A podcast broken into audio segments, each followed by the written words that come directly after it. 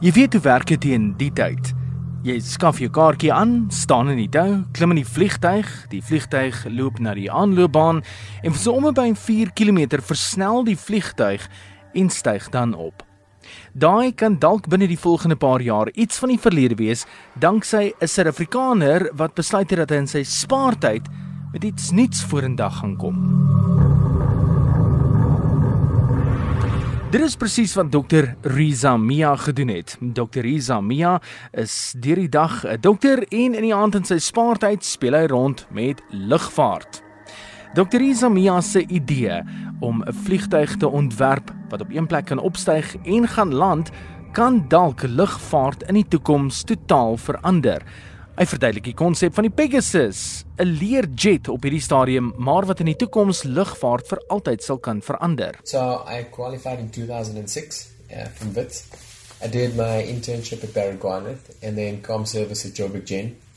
I did some time uh, in trauma, plastic surgery, and ICU. And then I went to, I started working actually with my dad in property. And he's like various business interests and just it was more for me i saw it as a learning experience. But at the same time i kept studying. So i did an mba i did a finance masters. I just recently finished an aesthetics higher diploma.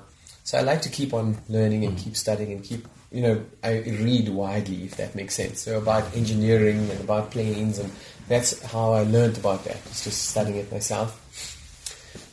But uh, the idea for a plane came about, I just thought, you know, I was always looking at different business ideas and how to make things better. And I thought, you know what, a plane is like a really nice idea. Let me see if I can build one here. But it had to be unique because no one will buy it, even if we make an identical carbon copy of a Learjet or Gulfstream. They'd rather get it from Learjet or Gulfstream because they established and they know that it's been flying and they would need a really good reason to buy a jet from a South African company. And so vertical takeoff was where I thought there was a gap. There wasn't anything like that. And got some engineers together. We started working on conceptual design studies, different methods of achieving VTOL. Uh, that's vertical takeoff and landing. Mm-hmm.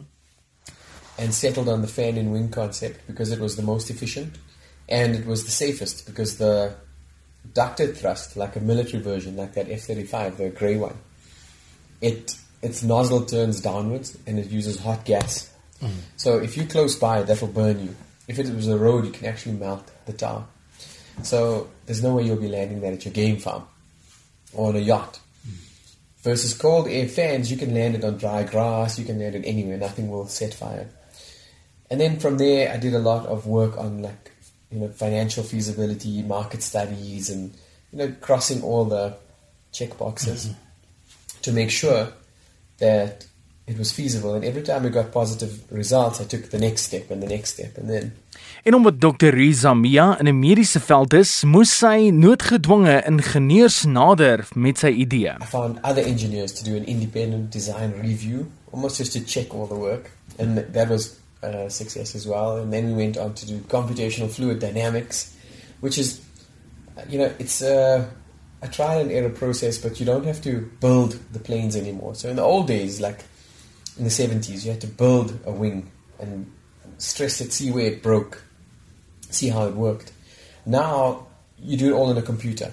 You put it on the computer, you, you simulate it, simulate the break, and then adjust the shape based on that. Mm-hmm. By the time we build our final prototype, it'll be good enough to fly. It'll even once the flight testing is over, probably be good enough to sell as a as a demo model. So it's quite exciting for us. En dit was nie 'n oornagproses nie. Dr. Riza sê dat 6 jaar reeds verbygegaan het van die aanvanklike idee tot waar hulle vandag is. So we've been working on this for 6 years and probably about 3 years until we have a flying full-scale prototype.